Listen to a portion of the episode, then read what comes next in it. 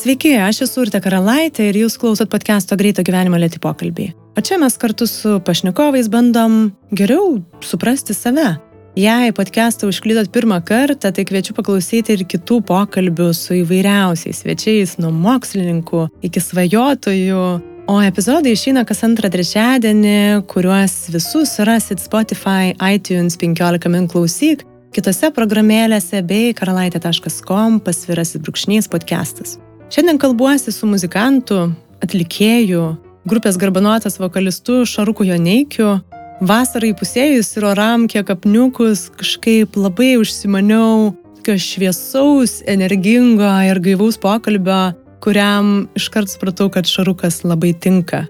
Mes neseniai buvom susitikę ir būtent tuo jisai mane tuo metu užkrėtė, kai mano galvoje radau tik tai daug tamsos. O už gaivius pokalbius ir atradimus juose dėkokim podcast'o rėmėjams, prie kurių šį kartą prisijungė klausytojai Lukas Kaleinikovas, Aura Lameikaitė, Mantas Urbanas ir Austėja Tamaliūnaitė. Dėka jūsų visų prisidėjimo pokalbį jau du metus reguliariai ir visiškai nemokamai pasiekia visus, kam tik jie įdomus - Lietuvoje ar kur jūs bebūtumėt. Tai jei klausot, patinka ir galit bent simboliškai prisidėti, podcast'ui tai tikrai padės sklandžiau važiuoti ir toliau. Jums tinkamą kasmėnesinę sumą galite skirti patreon.com pasvirasis brūkšnys lėti pokalbiai. Podcast'o kūrimą taip pat dalinai finansuoja Spaudos radio ir televizijos remimo fondas. Pokalbis įrašytas Vilniaus universiteto radio stotyje Start FM, kurios galite klausyti FM dažniu 94,2 arba startfm.lt. Garso kokybė rūpinasi garso reklamos studija Drop Audio, o sklaida prisideda portalas 15 minučių kiek čia daug visų prisidedančių, labai džiugu iš tiesų, nes podcastas va taip va tvirtai ant mūsų visų kojų ir stovi, tai ačiū visiems tikrai be galo. Dabar šokim į tokį siautulingą ir gaivų pokalbį su Šaruku.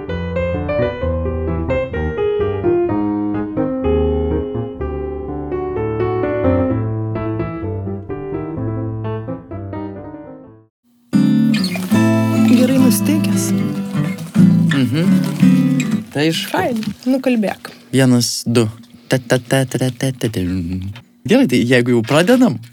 jo, tai realiai, žinai, mes jau pradėjom. Realiai jau ir prasidėjo.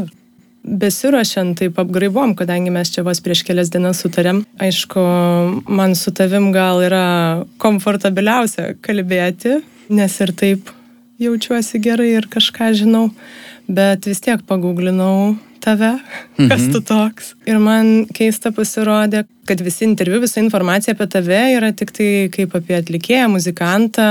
Ir aš bent jau radau vos ten du interviukus apie tave kaip žmogų. Ir man tada kilo klausimas, kaip tau pačiam jaučiasi, kai tave ir mato tik kaip tą tapatybę, kad nelabai įdomu, kas tu esi iš tiesų. Ar nesijaučia tavo žmogus ir kažkokia įvairialypė asmenybė nuskriausta? Visai jo, įdomu pagalvot, bet iš tiesų tai pradedi galvot, kad vis tiek viešumoje tu dažniausiai tą veiki, aš tą veikiu, groju. Dažniausiai viešumoje aš būnu žmogus šiaip. Vaikštau gatve ir manęs ne visi pastebi, su manim ne visi pasisveikina ir pakalba, nes taip mes visi prasilenkiam, nes visi gyvenam visai viešą, bet kartu ir visai privatų gyvenimą savo galvose. Atrodo, kad visi ten vaikšnėja mieste ir nesam atskiri, mes esam visi labai labai kartu, bet tuo pačiu ir labai atskirai, nes kiekvienas savo galvoja ir niekas net nenori paklausti ar pakalbėti ten su kažkokiu praeiviu. Nu, aš turiu menį, kad ne, nedažnai tenka tiesiog, pavyzdžiui, būni ir staiga pradedi kalbėti su kažkuo stotelį. Yra tikrai tekę tokių dalykų, bet atrodo, kad tu vis tiek tam savo tarsi paprastoj kasdienybei dažniau būni vienas, labiau savo galvoje tikriausiai. Ir tada yra kažkokios sferos, tai šiuo atveju mano, tarkim, muzikoje, kur tu nebūni vienas, o tu kaip tik daliniesi su žmonėm tai, ką sukūrėjai tos vienatvės metu. Tai groji dar kažką, poeziją kažkokią rašai tada žmonėms visai įdomu, nes jie mato tave būtent tada, kai tu kalbi. Ir jie klauso tavo žodžių, ten muzikos, nu, bet kokių žodžių, ar muzikos, ar dailės, ar bet ko. Ir bando tada užkalbinti tave.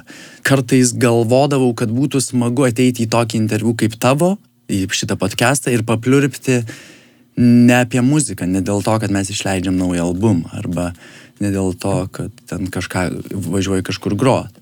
Nes tai irgi labai smagu, bet dažnai tie interviu būna labai suspausti į kažkokius rėmus. Visi žino, ką čia paklaus, visi žino beveik, ką čia atsakysi, pareklamuosi kažkokį koncertą. Tai bet juos gal ir nežiūri taip labai jau kaip kažkokį rimtus pokalbius. Pagalvoju, kad jo, tai čia perduosiu tokią reklaminę info. O vat, ką tu sakai, ar nepasigendu galbūt neperduoti nereklaminę info, šiaip savo gyvenimo informaciją. Tai irgi nežinau, ar pasigendu, va, praeitą kartą su tavim kalbėjom, ten kažkokiai šventiai, be mikrofonų, bet irgi tą darai. Ir tada su kažkokiais žmonėm taip daliniesi.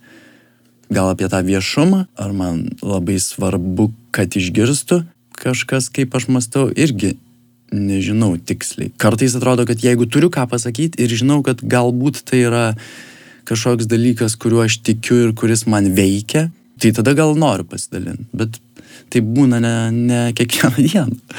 Kartais, ten, nežinau, per daug metų susikaupia kažkas, ką gali papasakot. Bet tas įdomu, kad kai ta etiketė užsiklyjuoja kažkokia, tai e, ar tu bankininkas, ar muzikantas, tai taip ir įrėmina kažkaip, kad atrodo viskas įdomu apie tai, kaip tu kuri, kaip tu groji, kur tu groji, bet o gal tu turi slaptų kukulaičių receptų, mes nežinom. Mhm. Tiesiog tas siaurumas atrodo, nu, bet aš to pasigendu bendrai, gal aš suprantu, kad tie pokalbiai, nežinau, interviu, kur ten 10 minučių skirta per labą rytą, tai be abejo, jie esminiai informacijai, bet to tokio platesnio smalsumo atrodo mhm. trūksto. Tai kas tas šarukas iš viso yra? Norisi pažiūrėti truputį už tų natų ir žodžių. Ja, čia tai tikrai akivaizdu, nu, kad čia ir su mantu broliu esam kalbėję, kad apie ten, pavyzdžiui, kažkokius muzikinius interviu ar dar kažką, nu labai dažnai yra kažkokios klišės, kaip tave kalbina. Ir tada, kai tu sutinki kažkokį žmogų, kuris neklausia tavęs, kodėl tavo grupė taip vadinasi, arba koks jūsų stilius muzikos. Ne, bet, pavyzdžiui, klausia, o apie ką jūs gyvenat? O apie ką jūs dainuojat. Tai tada atsiranda kažkoks toks įdomus dalykas, nes tu gali plačiai kalbėti ir pradėti gal net kalbėti, kad tai vad, žinot, viriau kukulaičius. Ir tada pradėjau apie tai galvoti, kaip čia jie verda ir taip susikūrė ta daina, tai aš apie tai kalbu. Ir tada tu gali papasakot, o, tai šarukas dar verda kukulaičius, neblogai. Na, aš turiu minį, kad labai dažnai priklauso, kaip mes galim vienas kitam atskleisti uh, kažką, ką veikiam, nu tai kažkokią informaciją, tai irgi atsakomybė vienas kitam, užduoti klausimą ir jį išklausyti, užduoti įdomu, nes tau įdomu, ką aš dar veikiu. Ir mano atsakomybė išgirsti tavo klausimą ir jį atsakyti. Nežinai, dažnai būna, kad tie klausimai būna tokie, kur nelabai aišku, žmogui įdomu to paklausti. Ir nelabai aišku, ar man įdomu tai atsakyti. Ir tada gal būna tokie labai paviršiai, jie normalūs, jie turi būti čia reklaminiai pokalbiai. Ir kartais juose irgi visai ten smagių momentų įvyksta, kažkaip bairiukų mini. Bet kas liečia tą, kad kai nėra, pavyzdžiui, ten 15 minučių ar 10 minučių, bet kai tu gali sustikti ir, nu, tai pakalbam kažką. Tai tada atrodo, kad mano užduotis tai išgirsti, ko manęs klausia.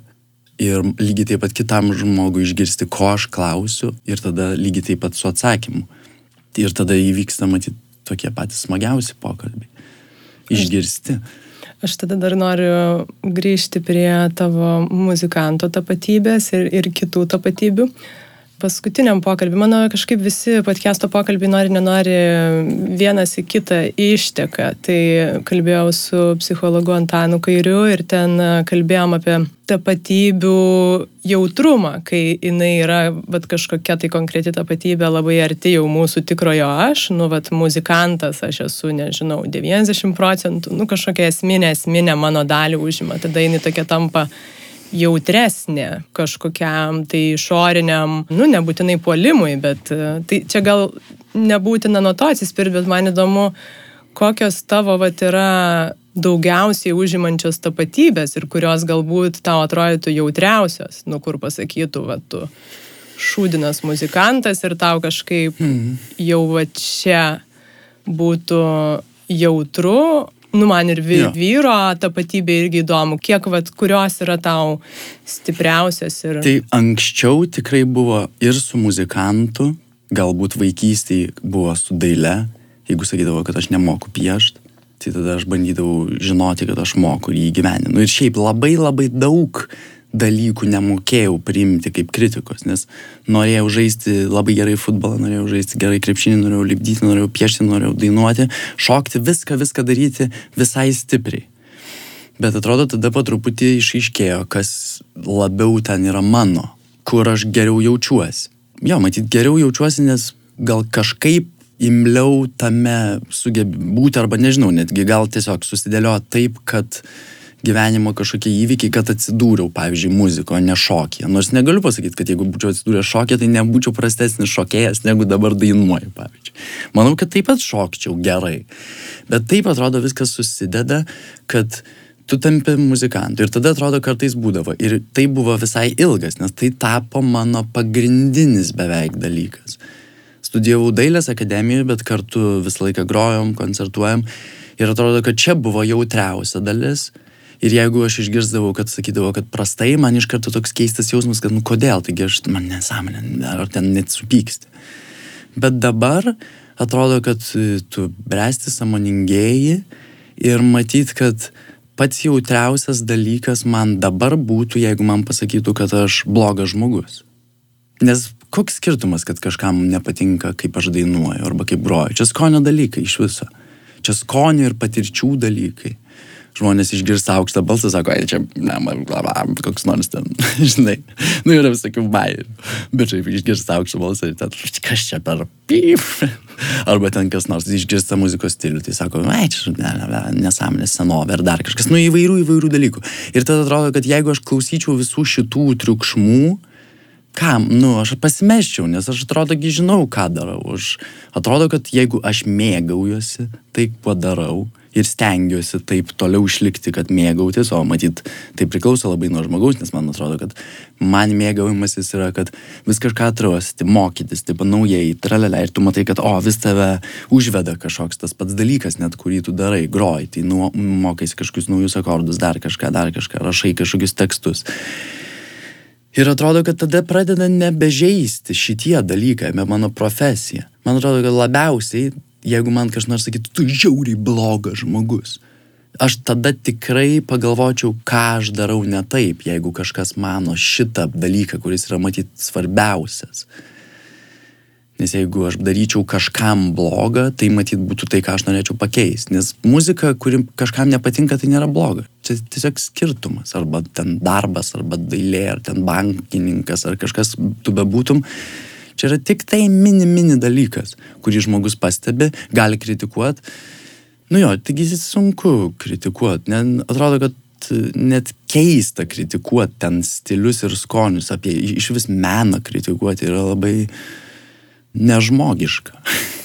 Nu, šiaip manau, kad blogai groja tai nėra kritika. Nu, turiu omeny, tai tada pakalbėkim tiksliau apie procesą, techniką, jeigu yra kompetencija. Įdomu, ką tu sakai apie blogą žmogų, norėjai pratesti? Ne, va būtent gal kaip tu dabar pataisai, kad kritika, jo, aš netaip suformulavau, gal kritika tai kaip tik smagu, jeigu tu yra kažkokia pagrista kritika, dėl ko tas žmogus galvoja, kad tu, pavyzdžiui, kažką darai neteisingai amato atžvilgiu. Ir jeigu jis gali pasakyti, kokie dalykai pavers šitą teisingesnį arba kas jam atrodo, tada taip.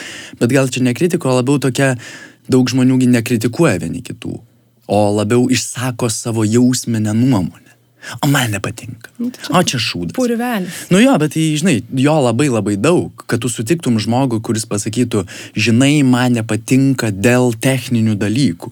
Jeigu tu klausai trepo muzikos, pavyzdžiui, arba ten kažko, tai kad ateitų ir pasakytų, žinai, čia ritminiai tie dalykai ir taip ir taip, žinai, čia bosas per žemai.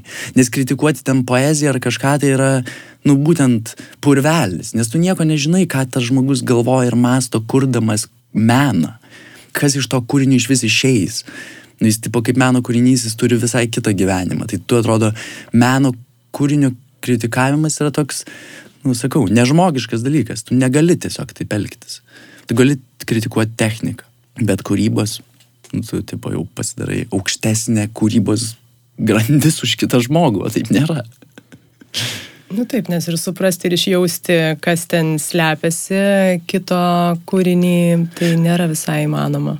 Būtent apie techninius dalykus galima Taip. sakyti. Ar išpildo tai, kad, kad jeigu tas žmogus nori šitą pasakyti, tai ar jis techniniais dalykais tai išpildo. Ar jam visgi dar kažko trūksta.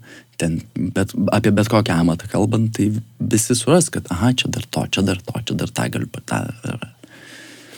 Tai ir prie blogo žmogaus noriu grįžti, o, o tu manai, kad blogi žmonės egzistuoja? Nežinau, nematyt. Čia irgi toks labai įdomi tema. Matyt, kad jie egzistuoja, nes mes dabar kalbam apie tai. Pavyzdžiui, blogi žmonės. Jeigu mes paminim tokį teiginį, tai reiškia, kad tai yra žmogaus sukurtas dalykas. Žinai, kas tai bloga ir gera, čia toks irgi keistas dalykas. Aš ne visai seniai kažkokį sugalvojau, kad manau, kad blogo nėra. Yra gera ir nesuprasta. Nes atrodo, kad bloga, gal pikta valia yra bloga, žinai, o pikta irgi sunku surasti žmogų, kuris yra piktas kuris iš pikto daro kažkam ne taip. Nes tą blogį apibriežti yra labai sunku, nes atrodo, tas, žinai, blogas man, kažkam labai geras. Nu, kažkokiu turbūt momentų, kruopelių ar protrukių, tai turbūt piktavalių gali pasitaikyti. Tik įdomu, ar nuo to, žinai, visuma žmogaus tampa visiškai neigiama. Ne, ne, aš manau, kad gal žmogus šiaip yra geras padaras jis nori būti geru. Jis ir yra geras, manau, bet kažkas jam trukdo patikėti, pavyzdžiui, kad jis yra šiaip geras. Kad nebijotų. Nes atrodo, didžioji dalis, iš ko kyla ten kūrimas blogio galvoj, tai iš baimės. Kai tu pamatai kažkokį kitokį žmogų, kuris tau asocijuojasi su patirtimi kaip blogas atvejis, nu aš kalbu, pavyzdžiui, koks nors kriminalinis dalykas Tu pamatai žmogų, kuris tavo patirtyje ir visos žmonijos ten arba kažkokiai mūsų žiniasklaidos patirtyje yra blogas, nes jis ten turi tokius ir tokius bruožus, išsiskiria tokiais rūbais ir tu jau gali pasakyti, ah, čia kažkoks įtartinas žmogus. Ir tu kuri galvoji, kad jis blogas. Ir tu pradedi bijot, pradedi galvoti, greičiau gal praeisiu pro jį, gal neužkalbinsiu. Ir tada atrodo, kad žmogus irgi tai jaučia, kad tu galvoji apie jį blogai. Nu, aš manau, kad Žinai, visur pilna visokių dalelių. Jeigu šuo jaučia, kai tu bijai, tai reiškia, kad yra kažkokia jūslė, kuri gali jausti šitos dalykus. Šuo jaučia adrenaliną, kai tu sukuri. Tai kodėl galvoju, kad kitas žmogus nejaučia, ką aš dabar galvoju apie tave, arba jeigu tai yra labai stiprus jausmas, pavyzdžiui, na, bijau, bijau tavęs, bijau, praeisiu greičiau pro šalį. Tai žmogus tikrai jaučia kažką, tik neaišku ką. Ar jis jaučia, kad tu jo bijai, o gal jis jaučia lygiai taip pat, kad tu pulsi jį kažkokį jaučiu adrenaliną, man kažkas čia. Na, nu, žinai, ten irgi gal net nėra tokie stiprus jausmai, nes mokslas jau būtų išsiaiškinęs, kad e, taip yra. Bet kartais pagalvoja, kad šuo jaučia, yra kažkokios jūslės. Tai gal žmogaus galva irgi, nu, žmogaus galva žymys, gal net sudėtingesnė, nežinau, žymiai, bet kad ten irgi gali vykti visokie procesai. Tai atrodo, kad blogis yra labiausiai mūsų galvose iš kažkokių patirčių sukurtas ir mes jį toliau tęsiam ir jis bus jeigu mes jį toliau tęsim ir toliau perduosim savo vaikam. Bet atrodo, kad užduotis yra jį mažint ir mes jį jau mažinam. Atrodo, visas pasaulis juda į jo mažinimą. Nepamatyti blogų, bandyti, bandyti nepamatyti. Kas matyti yra, manau, kad gerai. Yra kitų pusių, kai jau nebepamatai, bet tada irgi ten užsideda visokių kitų kaukių. Bet gal irgi žiauriai smagu, tada dar kitas etapas, žinai. Jau išnaikini tą, kad jau kūrė žmonės blogus, čia toks, čia toks, čia toks, koks nors ten man nepriimtina jo išvaizda, jo orientacija, jo bet kas, spalva, kalba, tada. Tai šitas atrodo jau mažėja, mažėja ir aš tai kažkaip tikiu, kad jo, čia į gerą, kad išnyktų šitas, tarkim, tu nebekuri blogą savo galvoj. Ir tada galbūt iš tikrųjų pamatysim, ar yra blogų žmonių, gal jų ir nėra tiesiog kai viską ištrinsim iš savo galvų, tada ir bus, matyt, visai fainas įvykis, kur tu žiūrėsi į žmogų ir galvosi, nu tai ką dabar jaučiu. Nes jau nebeturi to, kad galvoju, kad jis blogas. Ir tada gal suprasim, kad, ne, geras, mes neblogi. Jeigu gerai pagalvoju, taigi visi žmonės nori vieni kitiems gero. Yra mini dalykų, kuriuos pamatyti koks nors psichologas gali bandyti suprasti. Tai tarkim, kodėl yra žmonės kažkokiur kalėjimuose ar kažkur, kur jau tikrai labai aišku, kad jie atskirti, nes jie padarė kažką blogo valstybinių įstatymų ten mastu ir ten moralinių, bet jie iš esmės yra juk tik dėl to, kad nepažino kažkokių gerų dalykų. Tipo, blogos šeimos, sunkus gyvenimas, sunki pradžia, ten palikti vaikai ir jau užaugai vyrus, kurie nemoka mylėti, pavyzdžiui. Nežino, kad kitas kūnas yra svarbus. Tai gal, gal, gal jį gali ir nušauti. Nu, Ir jis tada eina mokytis, tipo, kažkur. Bandyti, kalėjimas turėtų būti kaip mokykla šiaip. Kad išmoktų mylėti, tipo, save, supras, kad jis kūnas yra mirtingas ir jis negali savo susikurti gyvybės, va taip, va, vėl iš naujo. Tai reiškia, ir kitam tu nenori šito. Bet atrodo, kažkuriuose žmonėse tai yra užblokuota. Ir tada gali sakyti, aha, čia jau yra sielos trauma. Kažkokia.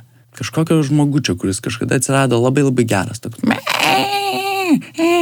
Be nieko. Bet jis neturėjo, nu kaip tu ir sakai, jokių kitokių pavyzdžių galbūt. Bet, Jo. e, Nu čia aišku, nesibaigianti tema ir, ir e, kaip ten kalėjimai moko mylėti, čia Bet- jau klausimas. Jo, jo, bet, bet aš turiu minį, kad turėtume tai suprasti, kad tos įstaigos turėtų mokyti. Neaišku, kaip ten pavyksta ir, ir, ir gal ir pavyksta, aš tikiu, kad ten kažkokia jų mokykla yra, nežinau, aš jeigu daryčiau kalėjimais būtų kitoks, tikrai. Meilės mokykla. Nu, aš galvau, kad visų pirma, tai kadangi ten yra žmonės, kurie socialiai negali būti, jie mokosi būti, tai galvojau visą laiką apie kalėjimą kaip apie vienutę smagę labai, kur sudėta žiauriai daug knygų, instrumentų, tipo filmų, kad žmogus būtų ten ir žiūrėtų, ką pasaulis veikia, koks jis gali būti. Klausyti muzikos, dar kažko. Nes jeigu tu ateini į tą patį pasaulį, kur tokie patys nusikaltėliai nemoka bendrauti ir tu ten įmestas, nu tai tada sunku pasveikti, sunku pamatyti, kodėl mane atmetė pasaulis. Bet net jeigu tu ir pasveiksti, ir čia grįžtant prie to, nuo ko ir pradėjom, kai tu grįžti į gatvę, va, į visuomenę, kurioje tave pamatę, nežinau, praeiviai arba darbdaviai tavo potencialus iš karto tave stereotipais apmėtę atmeta, tai čia yra, žinai, mes dabar gal negalim nei iš to pokalbių, nei, nei savo e, tiesioginiais žingsniais pakeisti kalėjimo sistemos, Jo. bet mes turbūt galim keisti, kaip mes vat, priimam, žinai, atgal to žmonės ir ką mes jiem pasiūlom. Nes kai jie grįžta ir jau yra nusiteikę į priekį, kad, e, Kad juos taip atstums. matys. Taip. Va, žiūrėk, čia net kai pradėjom kalbėti, kad jie matys mus kaip blogus, nes mes išeisim į gatvę ir juos priminsim.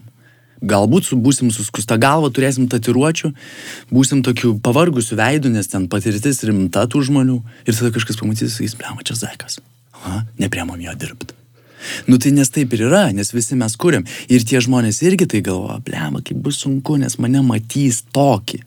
Bet atrodo, kad čia yra ir yra abipusis dalykas. Kad ir mes negalim keistis, nes jie nesikeičia. Ir jie negali keistis, nes mes nesikeičiam.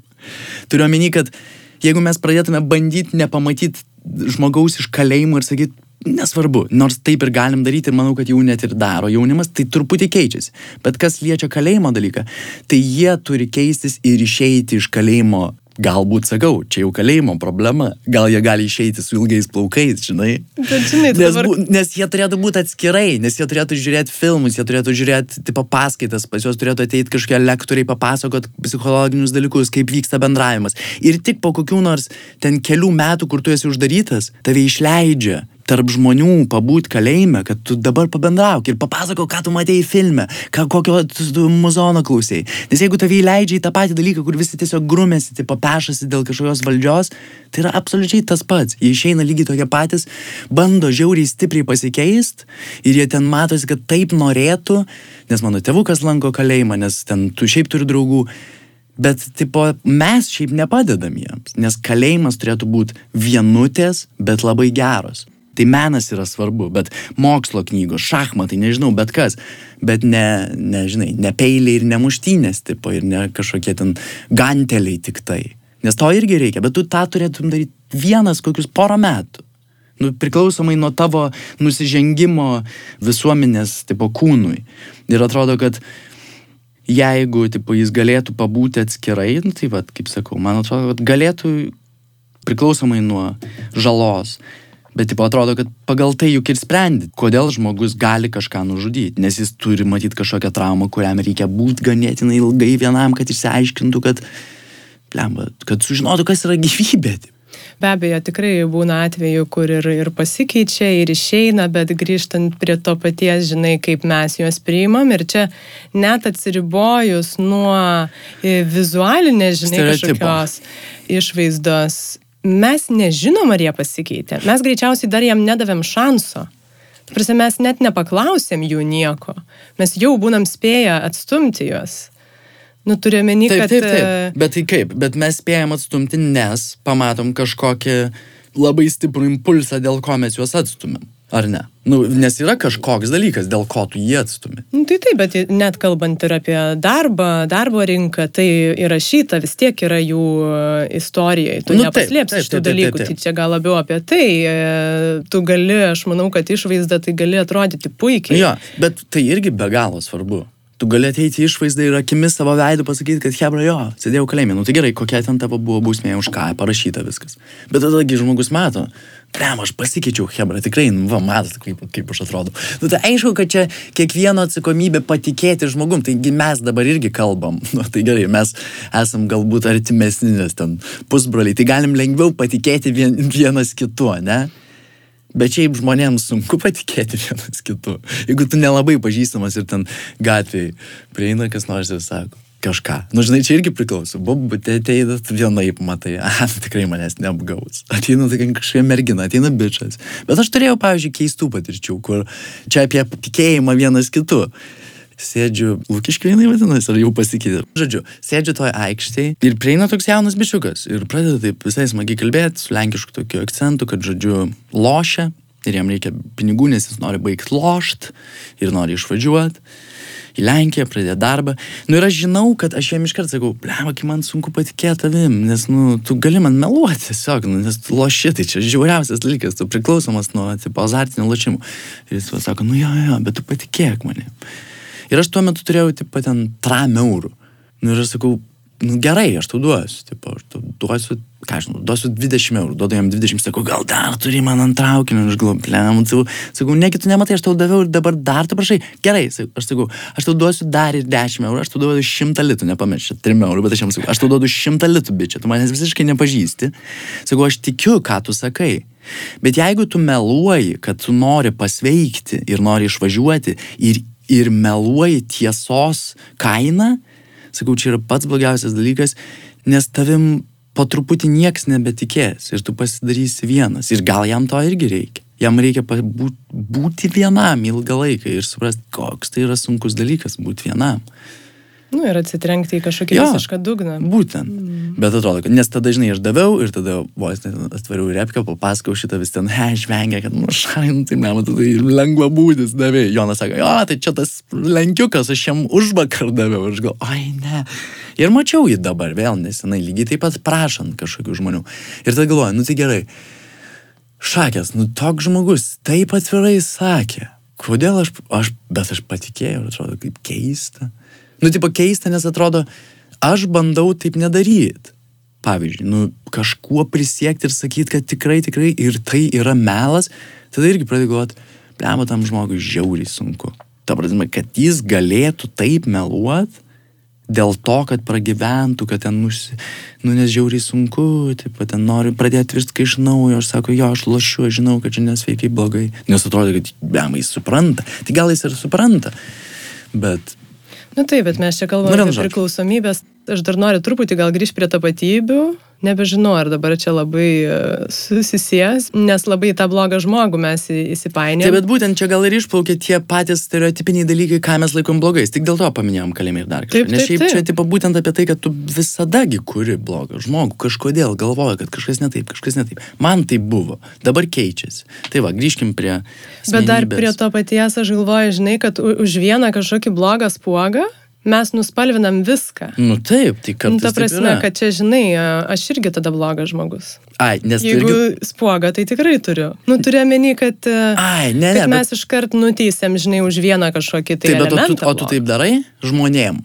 Tai vad kaip? Ar aš esu nužudžiusi? Ne, ne, ne, ne. įsivaizduoju, kad tu matai kažkokį mažą dalyką žmoguje, nes, dabar taip ir kalbam, kad man atrodo, kad blogas žmogus yra tas, kuris galvoja apie kitą blogai. Tai nėra tas, kuris kažką padarė, nes taip jam sukrito gyvenimo kortos.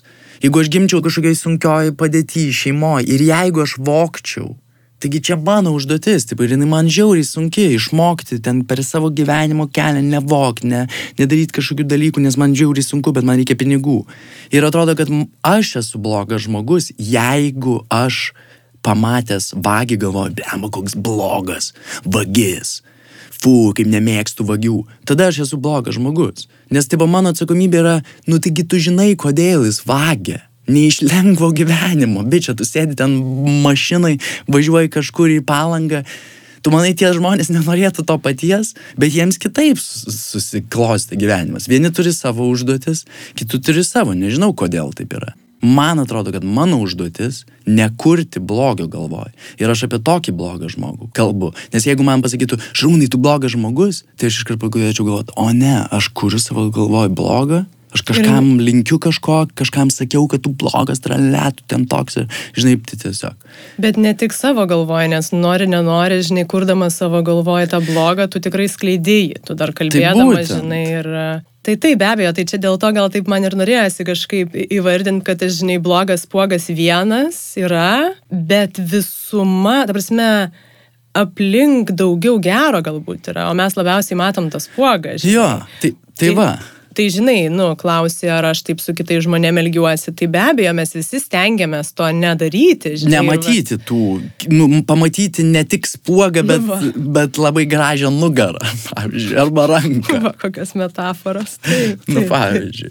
Tai jo, tai bet čia ir yra žiauriai smagi užduotis. Tai va čia yra pats jautriausias dabar mano, man atrodo, galvoj dalykas. Kad jeigu man pasakys, šrukai, šiaip galvoj blogai apie kitus tada man reikia susimastyti, ir čia yra jautrus dalykas, kur blema, jo, čia gal kritikuoju kažką žiauriai, tipo iš savo jausmų, ten dergiu. Ten, nu, žinau, daug dalykų yra. Kiekvienas žino, kas yra ne taip jo galvoj, manau. Tai va, ką jis nori pakeisti.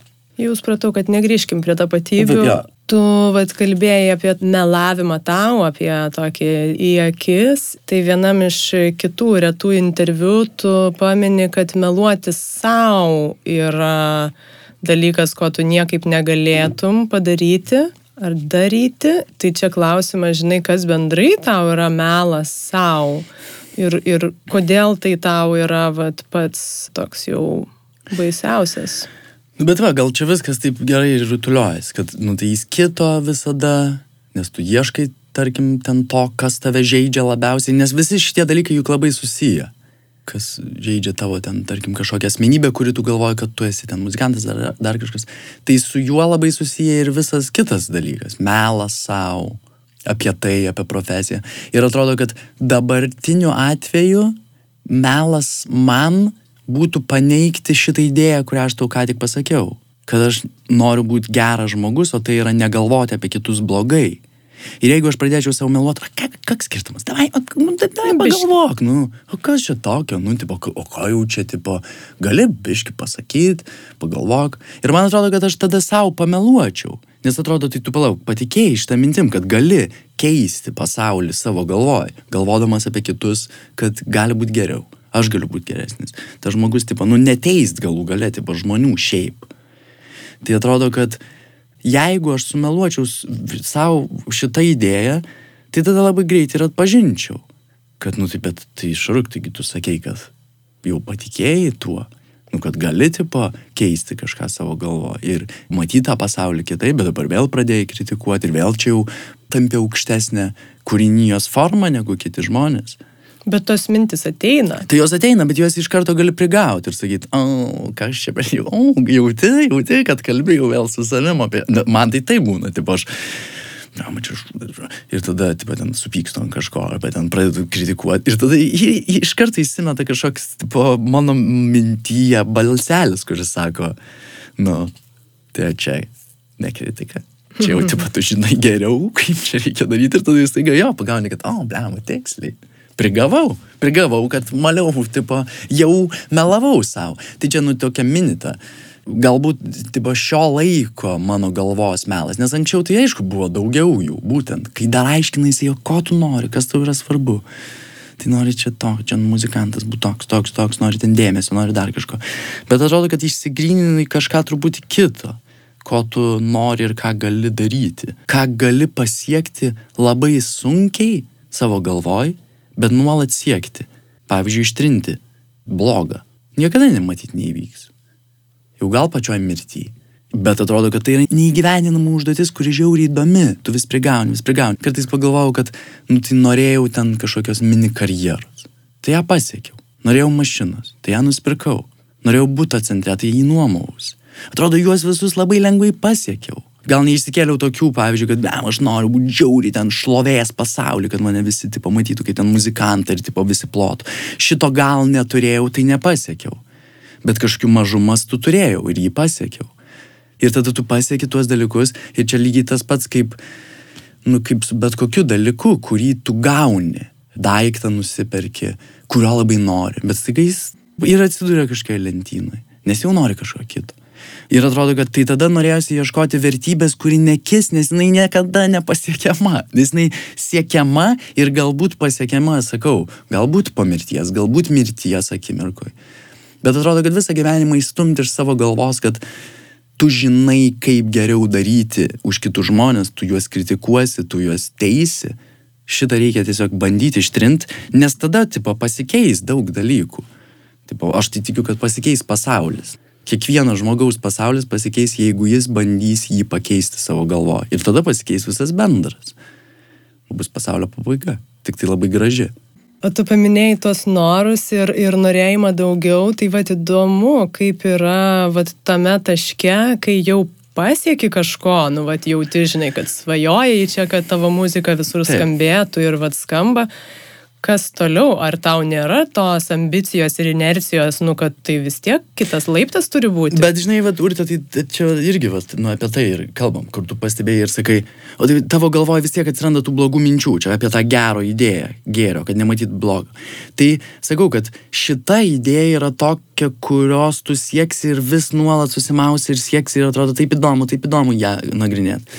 Nes kas liečia materijos pasaulį, atrodo, kad mes turim žiauriai daug pavyzdžių, kas pasiekė tai. Ta prasme, žinau Michaelą Jacksoną ir aš nebebūsiu juo.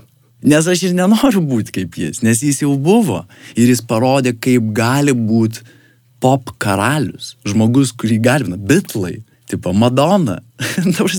čia kalbant apie muzikos ikonas, aš tiesiog suprantu, kad aš nenoriu net tokių būti, nes aš niekada juo nebūsiu, nes jis jau buvo. Aš esu kitas. Ir aš turiu ieškoti savo kelio. Idėjos, kurią sieksiu kitaip negu jie. Nes, nu, tipo, taigi čia irgi žiauriai paprasta. Pamataigi šiandieniniam pasauliu, kur žmonės iškart pamato ir sako, mm, tai Madonna. Ir po dviejų metų jinai jau ir, ir, ir baigėsi ir atsiranda kitas dalykas. Bet visi žino Madoną kaip pirmą Madoną. Ir visi žino Michaelą Jacksoną kaip pirmą ir Nirvaną kaip pirmą. Ir tipo, bet ką čia vardinsi, kas Hendriksas. Nes jeigu atsiranda tik tai naujas Hendriksas, tai visi juokiasi ir sako, kaip Hendriksas. Bet kam tai įdomu, nes čia ne tu. Tai tu turi ieškot. Ir čia gal irgi žiauriai sunkiai užduotis. Kas tu ir kokia tavo idėja. Nes gal nežymiai aukštesnė už už nirvanos, už, už kažko kito. Tik tai man atrodo, kad daug kas nepatikė, kad jinai gali būti aukštesnė, nes visi galvoja, ne, mane, čia tai, nu, tai jau buvo pyka. Žinoma, kai kartelės taip aukštai užkeltas, tai čia sunku ir pažiūrėti viršun. Aš truputį dar tada noriu atsiplėšti jau nuo šitų, papasakosi, kas Baltriškėse įvyko. Baltriškės visų pirma. Aš atvažiuodamas galvau, kas čia per pavadinimas, ką jis reiškia, ką jis reiškia. Ir tu gali susikurti, kas čia per vieta savo galvoje. Iš pavadinimų. Gali sakyti, čia baltų rykštė, pavyzdžiui. Arba tada galvom, bem, šitas netinka, aš jo nesuprantu, baltų rykštė, gal čia blogai. Ir tada sugalvau, baltriškis, gal čia ryškėja balta spalva. O, tai šitas man tinka. Šitas kažkoks man smagus. Baltriškis yra vienuolynas, bendruomenė brolių iš Prancūzijos ir Belgijos ten 60 metais, aš nelabai tiksliai žinau tos istorijos, bet 60-aisiais, ten 70-aisiais metais buvo kažkokia komuna, labiau tokia hipių, bet jinai išsisėmė gal gale ir liko ten keletą brolių. Tiesiog liko keletą įkūrėjų tos komunos. Ir jie sukūrė kitą idėją, kurios netaip lengvai pasieks. Nes gal hipiai buvo 20 metų ir, išėjo tada. Ir matyt sugalvojo, pakviesiu ten brolius, nu, tai gal įtikėjo, aš nežinau ten jų istorijų, bet žodžiu, kad ten yra toks Morkus, Markas, senas hiparius buvęs, kuriam dabar ten gal virš 70 metų. Jie ten važinėjo po rytų visus šitos regionus ir žiūrinėjo tas vietas, kurios smagios. Nu ir ten tokia kažkokia mistinė istorija, kad jam padovanojo kažkokie žiauriai turtingai prancūzai ir belgai pinigų, kad jie nusipirktų sklypą čia ir atkurtų miestelį, nes ten buvo tokios kaimo trobelės, ten kaimiečiai gyveno, bet jis toks jau apleistas labai daug ir alkoholikų aplinkų ir visko. Ir jie atvarė ir pradėjo ten žiauriai tvarkyti. Pastatė ten mokyklos pastatą, pastatė ten, nu žodžiu, po truputį, po truputį įsivažiavo ir, ir dabar ten yra tokia smagi vieta, vienolynas, ten broliai gyvena, jie nėra patvirtinti Vatikano, kas šiaip nėra blogai mano galva, bet nėra ir gerai, nežinau. Na, nu, žodžiu, aš šitą vietą žinojau gal kokių 14 metų pirmą kartą nuvažiavau, pamačiau, kas ten yra, nu, bet tiesiog nieko per daug apie tai negalvojau ir nieko nesureikšminau savo. Ir šią vasarą, kadangi karantinas prasidėjo, kadangi gyvenam ten už Vilnius truputį, tai nėra ten labai didelių poreikių ir nėra, kad mūsų ten pinigai labai spaustų šitie klausimai. Bet tėvukas ten per kažkokias pažintis vis paklausė, kokiu nors darbų, sako, aš rūkai, gal jūs norite su mantu ten ką nors ten padirbti ar dar kažką, nu žinai, karantinas, vis tiek koncertų nėra, tai gal šiaip kažkokia veikla. Nu ir mes e, sutinkam, taip apgalvodavom ir sakom, nu jėga. Tai pavyzdžiui, per karantiną dirbom kapinėse, mūrijom laiptus, pavyzdžiui, su mantu. Ten nes kažkokia močiutė krenta, kurią mano mama prižiūri ir globoja, ir jinai vis ateina iš ten paslysta ir tas sako, ar tavo vaikai gali man sumūryti laptokus.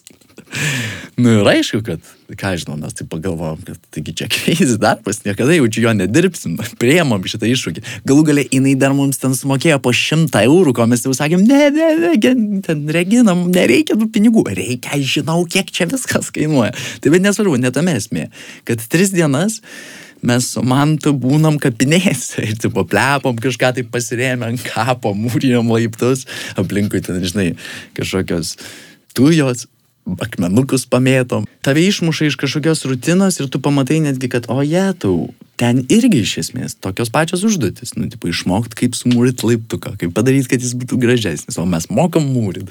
Ten kažkokią konstrukciją darai, ten iš pagaliukų pasidarai pradžią ten karkas nemoki, išmoksti, vieną padarai blogai, supranti, kad kitas jau, aha, jau patobulėjau. Ir atrodo, ten lygiai tas pats, kas gyvenime, bet kokioje kitoje profesijoje šiaip vyksta.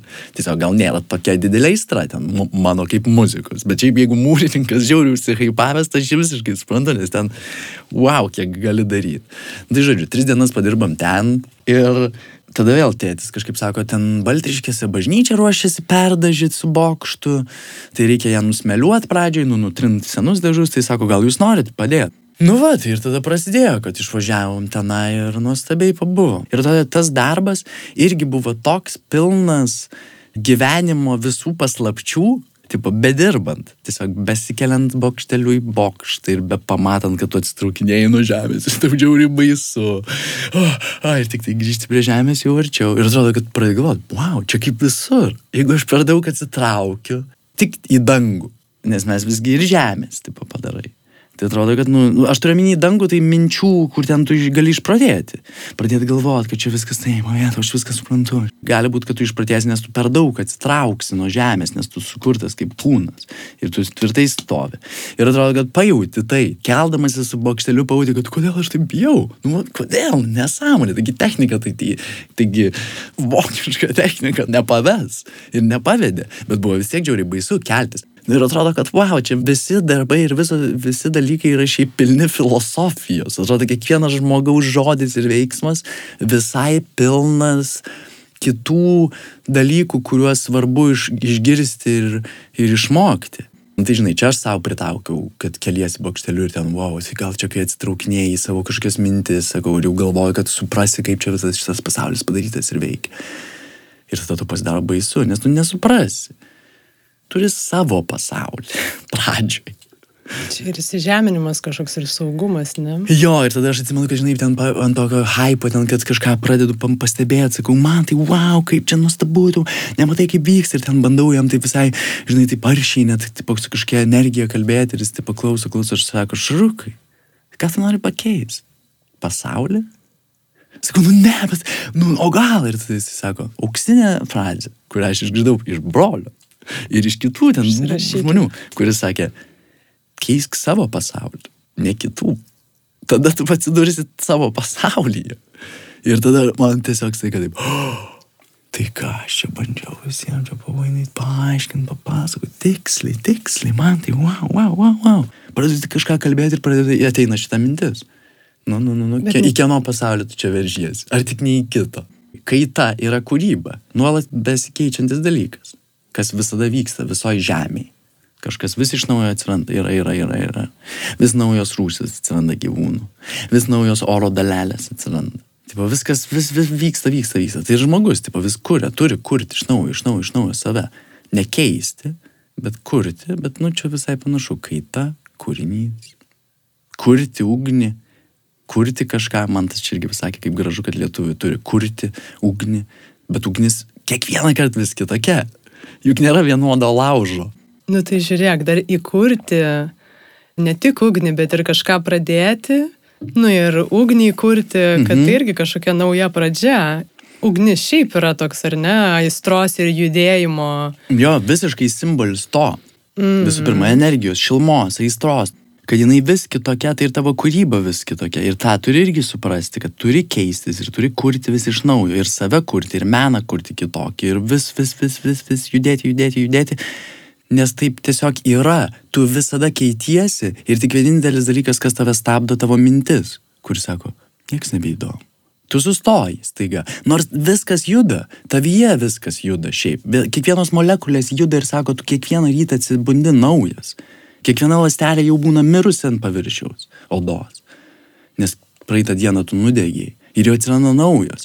Ir žmogus atrodo šito nepastebi ir sako, "Ni- nu nieks nebesikeičia. Bet viskas keičiasi, tik tai galvose mūsų nesikeičia. Ir atrodo, kad viskas tą pastebi, tipo mokslas tą pastebi, religija tą pastebi. Tai atrodo, kad jie abu šituos dalykus pastebi, bet vienas kitam labai priešinasi. Kažkaip kartais taip atrodo, gal ne, čia aš gal irgi klaidingai sakau, nes gal per daug neseku, kaip mokslas su religija dabar gyvena, bet šiaip žinant pagal kažkokias tokias tendencijas, kad vienas neigia tą, vienas tą, vienas sako taip, nors atrodo visi kalba apie tą patį. Yra, juda, juda, viskas čia keičiasi, kiekvieną dieną tu įkvepi oro naujo, tai kaip tu gali būti senas. Bet, Bet- gerai, tu kalbėjai apie tą pokytį ir tą būtent konkrečiai mintį paminėjai, žinai, nebeįdomu. Jo, Kaip yra, kad nu, mes iš tiesų, nu gerai, mes tikrai nepastebim, kaip mūsų ląstelės atsinaujina, Jo. bet ar nėra taip, kad mes savo pokyčių Nepastebim. nelabai pastebim mm. ir kitokių. Nu, pavyzdžiui, kad ir ten tavo siekis, žinai, būti geresniu žmogum, ar ten Taip. nesvarbu koks, ar net muzikoje patobulėt. Kaip sunku yra, žinai, ir kokiais matais išsimatuoti, jeigu tu ten darytum, žinai, kasdienius kažkokius Jo. įsivardinimus ir bandymus matuoti, bet tai yra nelabai Bet, įmanoma. nu kaip, aš tai nežinau tiksliai būdo urti, tipo, kaip pastebėti. Bet atrodo, kad savo aš esu pritaikęs tokį dalyką, kad man atrodo, kad viskas labai gamtoj sutvarkyta, kad jeigu yra kažkokie dėsniai fizikiniai, tai gali būti, kad jie vyksta ir psichologijai labai panašus. Ir jeigu aš savo trenkiu per veidą ir jaučiu, kad kažką jaučiu kaitą, kad aš pastebiu, kažkodėl pastebiu tokį dalyką, kai savo trenkiu, tipo, arba atsigeriu vandens, arba atsigeriu kažko, arba suvalgau saldainį ir jaučiu saldumą, tai kodėl tada aš nejaučiu, kad, kad darau ir kitus dalykus, kurie lygiai taip pat ir mane ir kažką kitą keičia. Eini gatvėje, kažkam šypteli. Tu galvoji, kad nieko nepadarėjai? Gal tas žmogus sprendė savo galvoje, pavyzdžiui, kokia šudina diena, kaip aš nespėjau niekur, tada tu eini ir mirkteli ją. Vis galvoju, what the fuck, man. Bet tai niekur nespėjau. Bet tai kaip faina, kaip mirktelio. Bet taip pat tu atrodo kartaisgi gali pastebėti, kad tu gali kurti, žinai, čia atrodo prasideda galbūt po kažkokia pasakų serija, žinai, kad jo, tu gali tai daryti. Nusišypsot kažkam ir žinot, kad taigi tai reiškia. Nes viskas reiškia. Tai žodis reiškia labai daug, nes čia yra koncentruota informacija. Pasakai iš viso, su viskuo ten, su balsu, su emocija, tada dar jeigu menas prisideda, tai ten prisideda dar prie tos kalbos ir spalvos, ir garsai, ir viskas. Čia jau tokia stipri, bet yra paprastoji tokių, visai paprastų, tai vad sakau, kur tu savo trenki per veidą, tai pastebi, kad trenki. Tai tada pa- paimk ir pastebėk, kad kai mamai taip nusišypsai, kai broliui nusišypsai, veikia, nes čia tokie visai lengvi, nes aš juos pažįstu, šitos žmonės, tai gal taip irgi nepastebi, nes tai yra rutiniška. Bet tada būtent paimti ir nueiti į gatvę. Ir ten nerutina, o ten yra mes labai daug žmonių, tipo savo kažkokiuose pasauliuose atskiruose, bet vienas kitas stebim, einam. Ir tada kartais būna, kad aš, nu, tipo, einu ir matau, kad, pavyzdžiui, eina kažkoks bičias ir šypsosi, į mane žiūri ir šypsosi. Ir, nu, ir jis mane paveikia, žiauriai, aš tada žiūriu ir irgi šypsausi ir galvoju, eidamas galvoju, ko jis čia šypsosi, kaip keista, bet žiauriai geras, kad mane tai paveikia. Tai kartais paveikia į gerąją pusę, kartais kažkokių sukuria kitų minčių. Ir tu darai kažkokias išvadas vėl. Ar nori galvoti blogai, ar nori galvoti, kad tau geriau. Nežinai, kartais eini ir tau gali pasakyti ką nors. Pavyzdžiui, nusikirp plaukus. Nu, man taip anksčiau būdavo, nu, ne visada. Ir aš galvodavau, kad, nu jo, bet čia jau tokia labai aiški info, jinai nėra man labai maloni. Kaip dabar su ją dylint. Bet visai smagus dalykas pastebėti, kad tu esi žiauriai svarbus. Kiekvienas žmogus turi pastebėti, kad jis labai svarbus. Tu pakviesdama į mane į šitą pokalbį išjudinai mano visą rutiną ir visą pasaulį. Aš atvažiavau iš ten kažkur, čia kalbant apie fiziką, bet tu išjudinai ir mano, tipo, mintis. Ir aš tavo išjudinu. Taip, aš atinu čia pas tave kalbu, ten mes kažką atralelę. Tai atrodo, kaip galima šitą dalyką nepastebėti, kaip prasmės savo ir kad tu kažką veiki ir nuolat keitiesi. Nes nebebus tokio pokalbio, kaip mes dabar kalbam. Bus kitas, bus kitas žmogus. Aš net būsiu, jeigu mes kalbėsime, jau būsiu kitas. Ir tu būsi kitokia. Tai atrodo, kad tada pastebiu, kad tiksliai tai viskas keičiasi, eik tu savo. Tai ko aš čia tada buvau užsiparinęs, kad nieks nebesikeičia ir nieks nebeįdomu. Atrodo, kad pastabumas, Jautrumas, atidumas. Mhm, atidumas. atidumas. Tai žiūrėk, dar grįžtant prie baltriškių, kiek jūs ten laiko buvot? Apie dešimt dienų.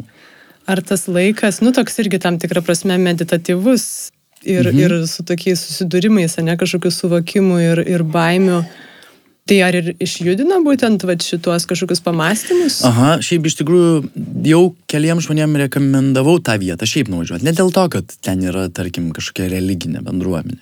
Nes būtent, žinai, atrodo, kad nesinori kažką agituoti ir sakyti, kad čia ir yra atsakymas, nes kitas žmogus jį ras visiškai kitur. Pavyzdžiui, Akropolį. Todėl sakau, kad galbūt kas panašiai, pavyzdžiui, masto kaip aš, arba ką nors veikia panašiai, ten klauso muzikos panašios, ar dar kažką, galbūt jiems irgi šita vieta suveiks panašiai, pavyzdžiui. Nes ten yra žiauri graži gamta, nuostabus šuo pavadinimu mozaika arba mozė, kuris sekioja mus visą laiką, toks žiauri draugiškas. Ten yra du žiauri gražus ežerai. Vienas pavadinimu Veprys, neišsiaiškinau, ką jis reiškia, bet irgi visai įdomu, kas tai yra. O kitas, pavyzdžiui, kas yra juokinga. Kitas esantis ežeras yra labai mažiukas, bet labai gilus. Ir jo pavadinimas yra sąžinė. Nors jūs galite patikėti, kad ten taip yra.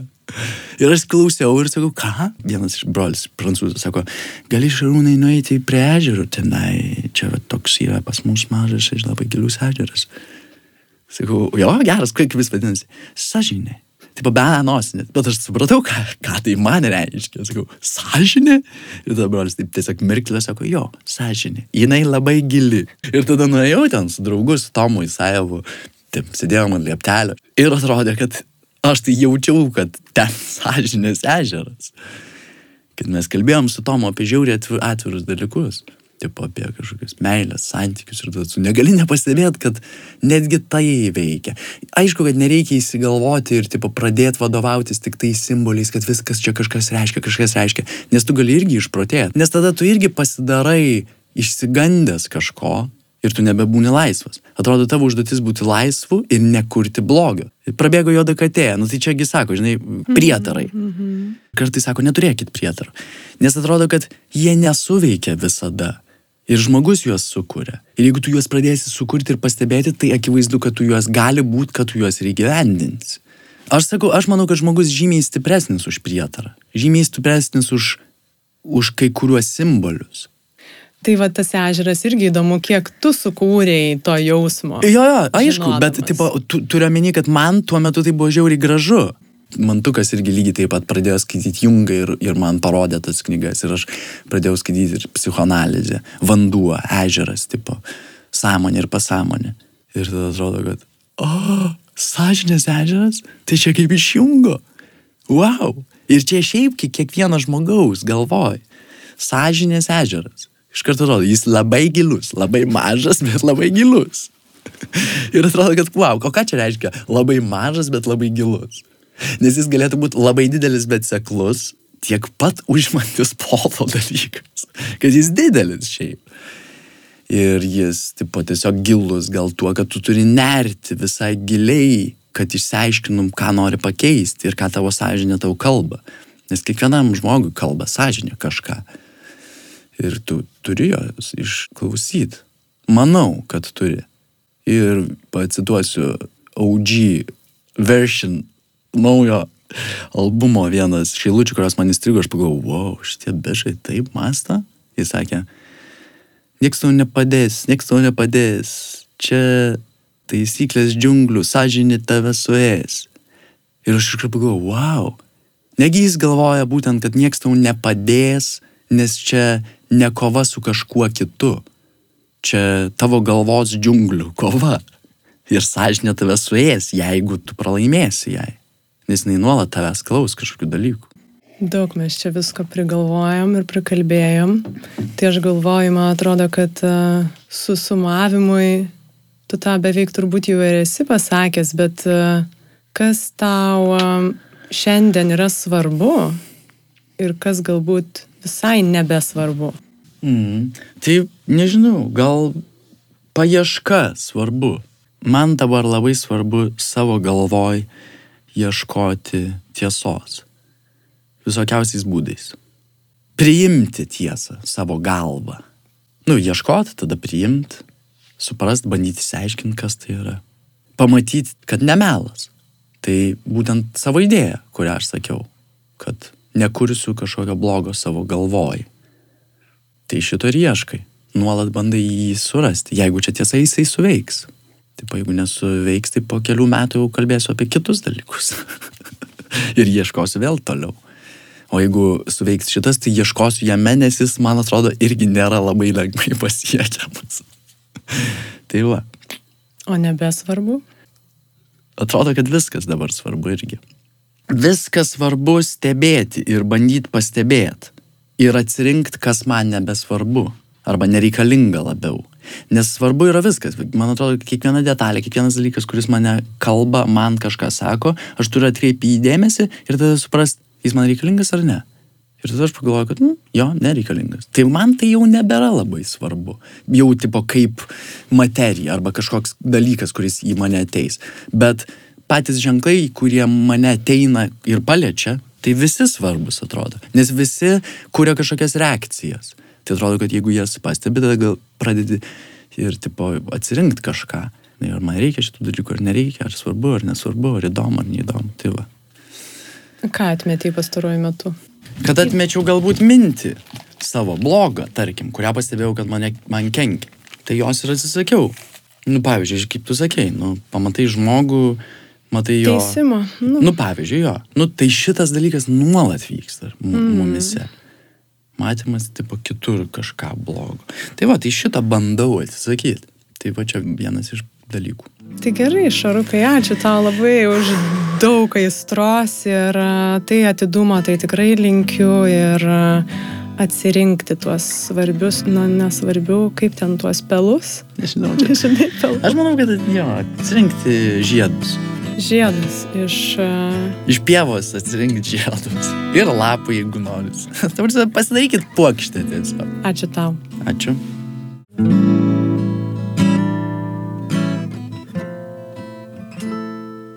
Ačiū, kad klausėtės ir vis dar klausot. Fone skamba Šaruko gitaros, tuoj prisijungs ir švelnus jo vokalas. Man šitas pokalbis yra dar vienas atradimas, kaip Šarukas jau ir išdavė, neturiu ko slėpti, jisai yra mano, nors kiek tolimesnis, bet pusbrolis. Ir kai mes galvojam, kad va štai mūsų aplinko žmonės artimesni jau mums yra kiek pažįstami, tai kiekviename pokalbyje atrandu vis kažką naujo. Ir taip gera vėl prisiminti, kodėl podcastas iš viso gyvuoja ir iš ko jisai atsirado.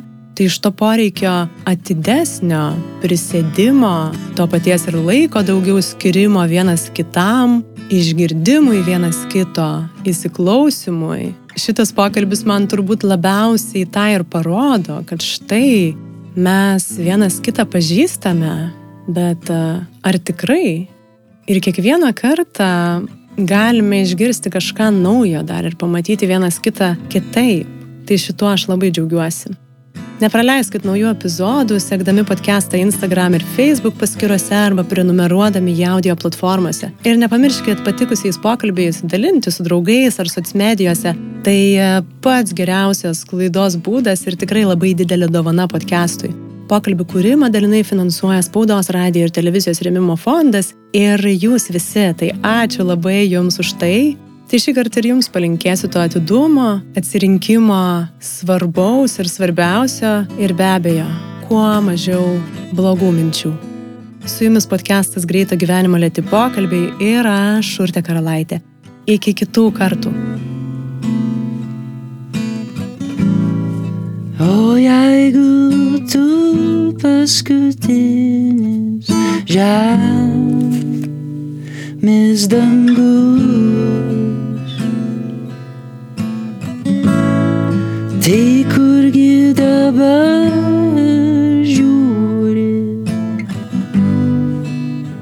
tavo